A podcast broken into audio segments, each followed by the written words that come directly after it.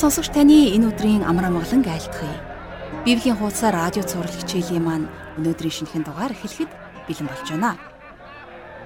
Тэгэхээр өнөөдрөөс эхлээд бид хамтдаа Илч Паулийн Галаад хотынхонд хандан бичсэн захидлаас хамтдаа суралцах гэж байна. Энэ бол тентхийн чуулгануудын толгойг эргүүлэн сайн мэдээний үннийг мушхан гуйвалсныг эрс эсэргүүцэж ницааж буй тухай ном юм.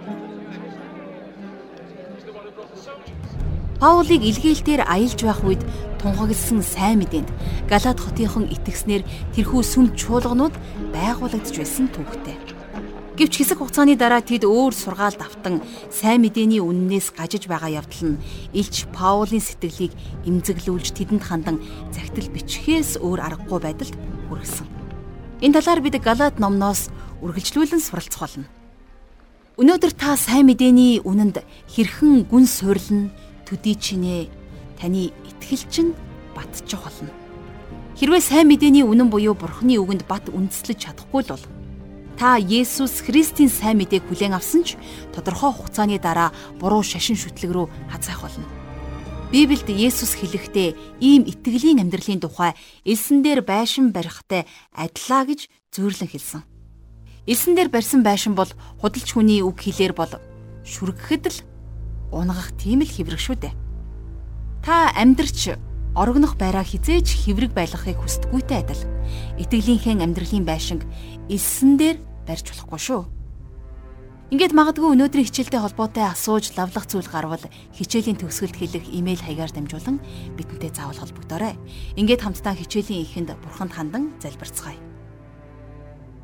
Бурхан минь бид энэ цаг мөчийг таньда даатхан залбирч байна ариун сүнсээрээ дамжуулан бидний зүрх сэтгэлд хүрч үгээ хилээч аваа. Үгийн тань өмнө бид зүрх сэтгэлээ нээн ирж байна. Үргэлжлүүлэн одоо үзэх галаад номоор дамжуулан та бид бүхэнд өөрийнхөө эрхэм нандин үгээ хэлж итгэлийн хим химжээг минь улам илүү ахиулж таны үгэнд бат бун суйрлагдахад та туслаач гэж гуйж байна. Учир нь таны үг бол хүний амьдралын хамгийн чухал үн цэнтэй утга учирыг агуулж байдаг гайхамшигтай эрдэнэ билээ. Тиймээс хэзмэнэ Эрдэнэ болсон тэр гайхамшигтай шижир алт мэт үгээ та бидэнд амьдралд минь бидний оюун бодолд хэлж өгөөрэй. Энэ бүхний эцэст эзэн бид амь амьдралдаа таны үгийг сахин биелүүлж таны хаанчлал сүр хүчийг бусдад түгээхэд та үргэлжлүүлэн туслаарай. Та бол энэ дэлхийн ёрын мууг ялсан. Дахин ирж өгсөн амьд бүх хүнийг шүүх цорын ганц агуу эрх мэдэлтэй амьд бурхан билээ танд бүх алдар хүндэтгэлийг өргөн залбирч байна. Эзэн минь дээд тэнгэрт алдар нь танд үргэлж байх болтугай. Доод газарт амар тайван нь таны үгэнд итгэдэг, таны тааллыг олсон бид бүгдээр бэлхэм дүүрэн байх болтугай гэж ерөөн залбирч байна. Эзэн хичээлийг эхнээс нь дуустал бүхий л цаг мөчийн туршид та ариун сүнсээрээ удирдан чиглүүлж сонсох хүнийг болгоны чихийг зүрхийг та нээж өгөөрэй. Тань талархан эзэн Есүсийн нэрээр залбирanгуйч байна. Амен. Ингээд хамтдаа жаргал агшийн хичээлд анхаарлаа хандуулцгаая.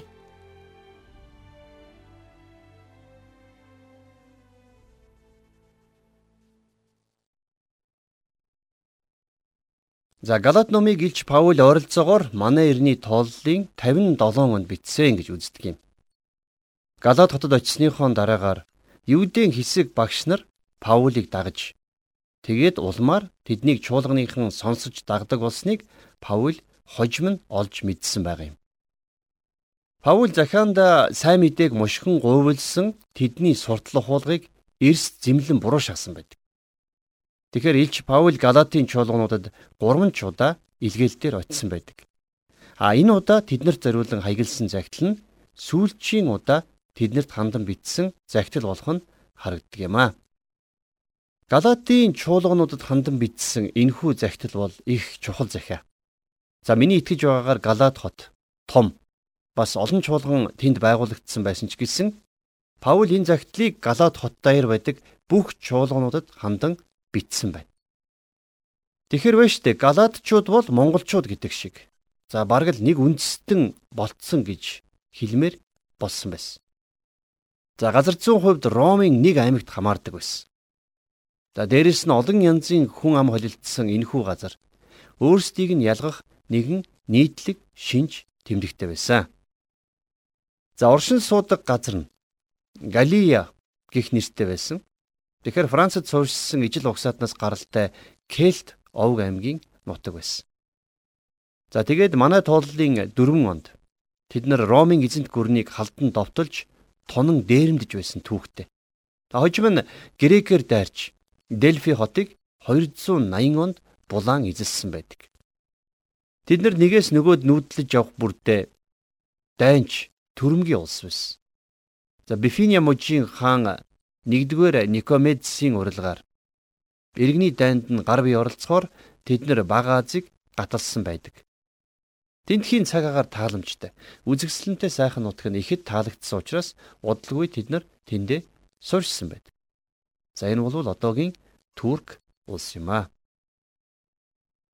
Ингээд манай тооллын 189 онд Галатчууд Ромын эзэнт гүрний иргэшээлд орсноор за Ромын харьяаны нэгэн аймаг болсон түүхтэй.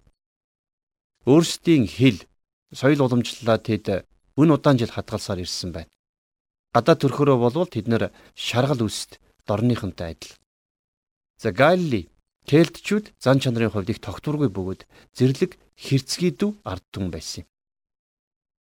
Цэзар нэг удаа тэдний тухай хэлэхдээ Галатчуудын сул тал болвол тэд шийдвэртэ бат зогсдгүй.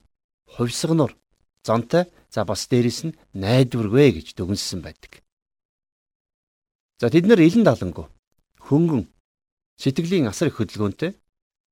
За маш ухаантай хэрнээ туйлын тогтворгүй. За дэндүү нэрлэхүү хүмүүс гэж тодорхойлогдсон байна. За магадгүй энийг сонссон сонсогч танд энэ зам байдал нь өнөөдрийн бидний зан авирыг санагдуулж байгаа хаа. За монголчууд бидний ихэнх нь тогтворгүй. За дээрэс нь нэрлэхүү. За бас хүмүүсийн хилдгээр улааныг харж урван, шарыг харж шарвдаг. Магадгүй мөнгө гэх юм бол юу ч хийхэд бэлэн яг л тэр үеийн хүмүүсийн энэ цагийн дүр гэлтэй байна. За бурхан Галат хотын хүмүүсийг шийдвэртэй үнэнч байж амьдралдаа улс хууртай ханддаг болгохын тулд Илч Паулаар дамжуулан тэднэрт өөрийн эрдэн шиг үнэтэй үгийг дамжуулан өгсөн юм.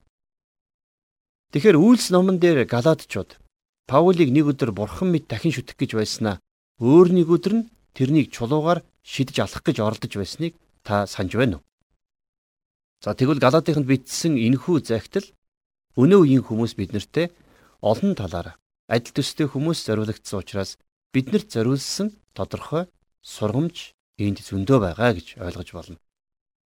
За би Галаат хотынд бичсэн захидлыг үндсэндээ дөрвөн зүйлээр тоомилж энд тавчхон хэлье гэж бодож байна. За нэгдүгüүрт нь Галат хотынд бичсэн захидал болвол нилээд чанга хатуу ширүүн а гэхдээ чин сэтгэлийн захидал байсан. За энэ тухай Галат номын 1-р бүлгийн 6-аас 9 за 3-р бүлгийн 1-ээс 5-р ишлэлд гардаг. За мөн нөгөө утгаараа бол залруулах захидлаа гэсэн. Галатийн итгэгчид ноцтой асуудалд орсон байсан. Яагад үг гэхээр тэдний итгэлийн суурь нь ганхаж тэд унах аюулд орсон байсан. Тийм учраас энэхүү загталд ямар ч магтаал, сайшаал, талархлын үг байхгүй. За залбирлын тухайд эсвэл Христ дотор бат зогсох тухайч энд дурдааг байгаа. Паулийн бичсэн бусад загтлуудтай харьцуулах юм бол энэ загтал бол их өөр утга агуулгатай байдаг юм аа. За хоёрдугаарт нь энэхүү загтал дээр Илч Паулийн зүрх сэтгэл маш тод томрун гарагддаг. За Паулийн гүн сэтгэл хөөрөл уур бухимдал нь илрэн гарсан байна. Тэмцлийн өнгө аястай бичигдсэн загталж гэж бас хэлж болохоор байна. Сайн мэдээний үннийг хууль даган мөрдүүлэх тухай суртлах хуулгаар гуйлах явдлыг тэр төвчиж чадаагүй.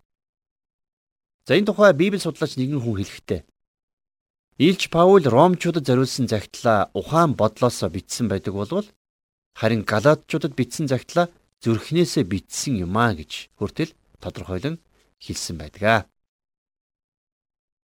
За 3 дугаарт нь энэ загтал бол альва хууль журмаас чөлөөлөх тухай тунхаг загтал. Тэгэхээр хуулийн багш нар галааччуудтай нэг их цаг өнгөрөөдгүй нь тодорхой. Харин Паул тэднийг зэмлэн буруушаасан байна. Энэ номонд Мартин Лютер дуртай байсан. Энэхүү загтлыг өөрчлөлт шинжилтийн тэргүүн хэсэг гэж ойлгож болохоор байна. За мөн энэхүү загтлыг эртний чуулгануудын эрх чөлөөний тунхаг бичигч гэж нэрлэж болно. За бас дээрэс нь Христ итгэлийн эрх чөлөөний илэрхийлэл. Сайн мэдээний амин сүнс рүү давтлах ямар ч дайралтыг няцаах халдашгүй цайз, жинхэнэ хад чулуун хамгаалалт гэж үзэхээр байна. За тийм ч учраас энэ номын тухайд магнит тамгалсан мөхөшгүй ялалт гэж хэлсэн байдаг юм.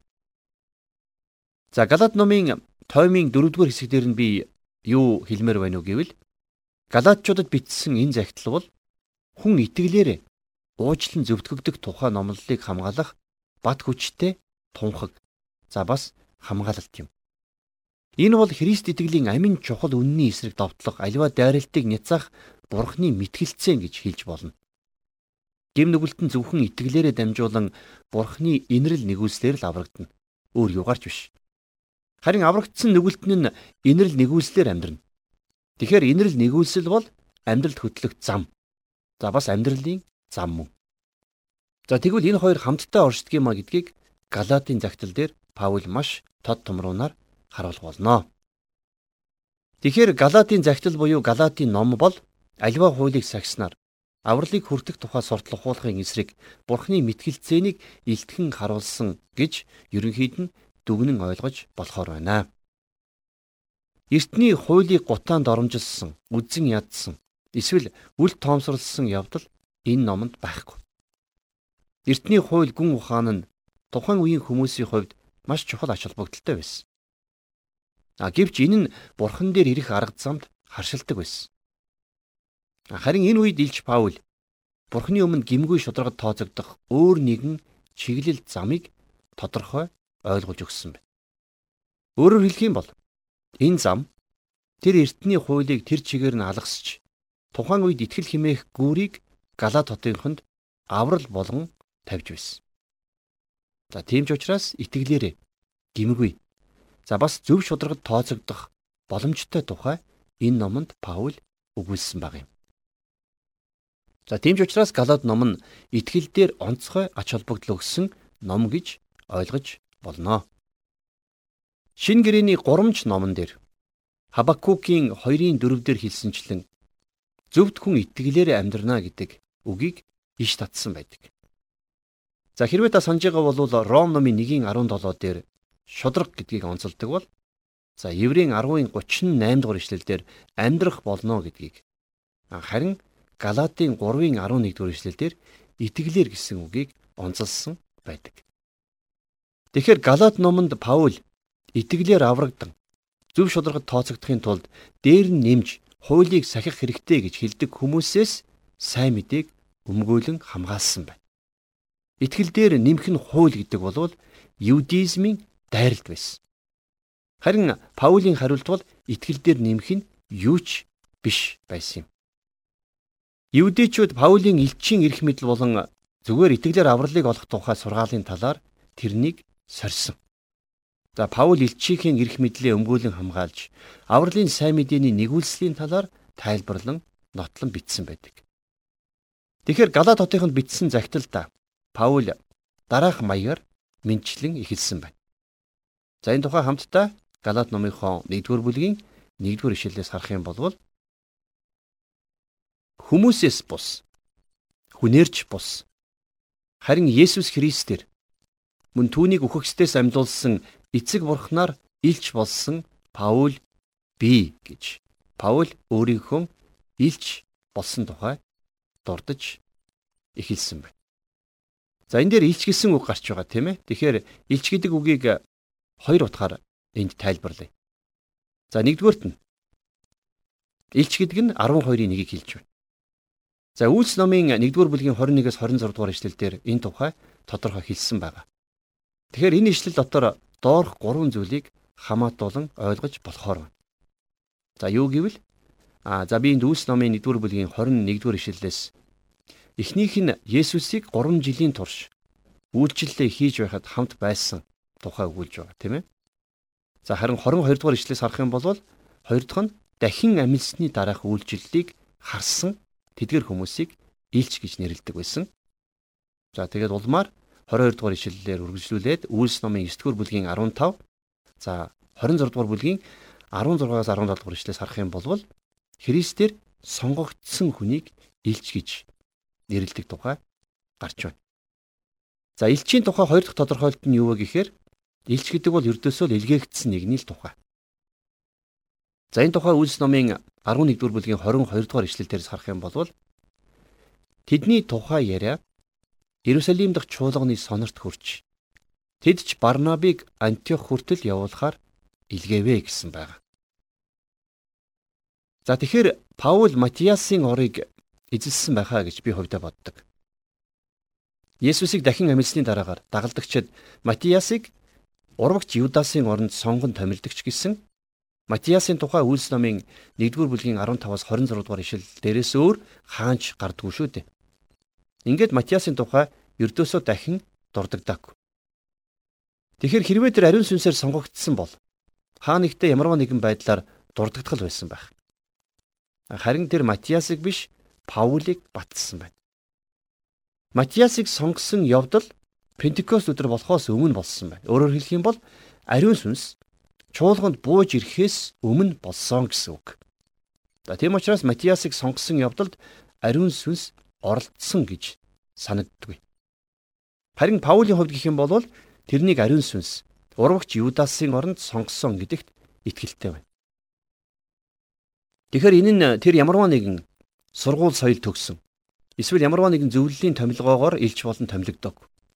За мөн хүнээс биш гэж хэлсэн нь хин нэг чуулганы тэргүүн гар тавин залбирснаар томилогдоогүй гэдгийг хэлж байгаа. Эсвэл бусад элч нар түүн дээр гар тавин томилоогүй байсан. А гэхдээ л Паул илч болсон. Тэгвэл яаж? Түүнийг үхлээс дахин амьлуулсан Бурхан эцэг болон Есүс Христээр тэр илч болсон. Есүс өөрөө түүн дээр гар тавьж түүнийг дуудсан гэсэн үг. За энэ тухай Үйлс номын 9-р бүлгийн 15-аас 16 дугаар ишлэлийг харах юм бол ингэж бичсэн байдаг. Харин эзэн түүнд яв. Учир нь тэр бол харийнхан хаад болон Израилийн хүүгүүдийн өмнө нэрийг минь авч явхаар надад сонгогдсон сав бөгөөд миний нэрийн төлөө хэр их зовх учиртайг би түүнд үзүүлнэ гэжээ гэж бичсэн байна. Тэгэхээр Илч Паул бол яахын аргагүй бурхнаар томилогдсон Галат хотынхонд анхаарал тавьж байсан бурхны илч юм. Тэр 12 дагалдагчийн нэгт багтах нь битгий хэл. Есүс итгэдэг хүмүүсийг хавчин алдаг нэгэн байсан. Гэхдээ л бурхан Паулийг сонгож олон харь үндэснүүдэд авралын сайн мэдээг түгээхээр түүнийг томилсон юм а.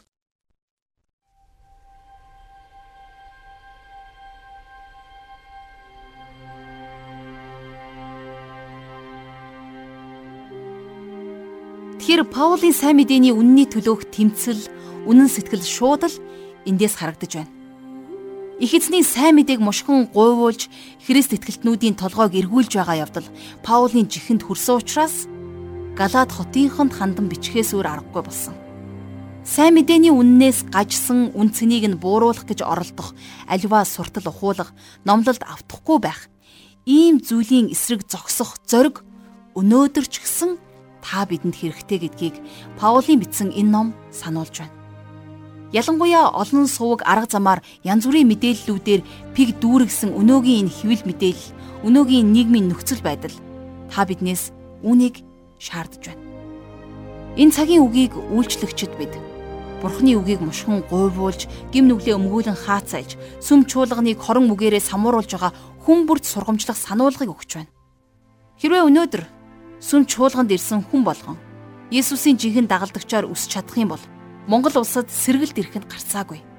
Тиймээс итгэгч хүн бүр өөрийгөө Есүсийн жинхэнэ дагалдагч болоход бэлдэж Паулийн зүрх сэтгэлээр сайн мэдээний төлөө хичээнгүйлэн хүчин зүтгэх хэрэгтэй. Ингиж гимэн итгэлийг олж аваагүй байгаа. Далайн мэд Монгол ахын дүүс минь амьдралаас олох тэрхүү аврал химээх хамгийн нандин алтан түлхүүрийг атхан авах боломжтой болно. Би л болсон бол бусд нь яах вдэ гэсэн амиа хичээж довоо шарлуулах үзлэр биш. Харин маргааш шүүлтийн өдөр ирнэ. Түүнээс амжиж олон хүнд чадах чинээгээрээ ахан дүүстэй, найз нөхөддөө, хөрштөө эзэн бурхны хайрыг хүргэнэ гэсэн чин сэтгэл эрмэлзлээр хандахыг бурхан биднээс хүсдэг. Ингээд өнөөдрийн хичээлээ энэ хүрээд жаргая. Харин хамтдаа Галат номын 1-р бүлгийн 1-р ишлэлээс сурсан үг хийгээд тайлбарууд илчлэлтүүдийн төлөө талархаж залбирцгаая. Эзэн бурхан минь, та бол бүтээгч бурхан. Та бол итгэлийг эхлүүлэгч. Та бас төгсгөгч нэгэн. Та хайраа урдаар барьж, та уураа ардаа тээдэг инэрлэр дүүрэн амьд идсэн. Таны нэр ариунаар дурсагдж, таныг Монгол хүнийг болгон даган итгэх болтугай гэж юрөөн залбирч байна. Таны үгэнд худал хуурмаг хоосон зүйлс нэгээхэн ч үгүй билээ. Худал хуурмгийн мананд бодилж, хуурмаг шүтэнээр амьдрч байгаа Монгол ахан дүүсийг минь та инэрэн хайрлаж, тэдний гмийг уучлан өршөөгөөч гэж гуйж байна. Өнөөдөр Галаад намаар дамжуулан таны бидэнд хэлсэн маш чухал зүйлүүдийг эзэн бид ямагт ой ухаан бид зүрх сэтгэлдээ нандинан сэлж амьдралдаа хэрэгжүүлж даган мөрдөхийг хүсэж байна. Их эзэн минь хэрэгжүүлэхэд шаардлагатай тэр хүч чадал нэгүсэл хайр ивэлихтэнд бид хүсэмжлэн залбирч байна. Тэгээд эзэн минь ээ итгэж амжаагүй байгаа гэр бүлийнхэн, найз нөхөд, ахан дүүс, төрөл төрөстөө. Эзэн минь элэгнэгт монголчуудаа бид таны амар амгалангийн, таны хайрын үрт бид даатхан залбирч байна. Хүнийг болгон эзэн таныг амаараа эзэн гэж хүлээн зөвшөөрч тэдний зүрх сэтгэл таныг өөрийнх нь аврагч эзэн гэдгийг зүрх сэтгэл нь өчөх болтугай. Бүгдийг танд өргөж эзэн Есүсийн нэрээр залбирanгуйлаа. Амен.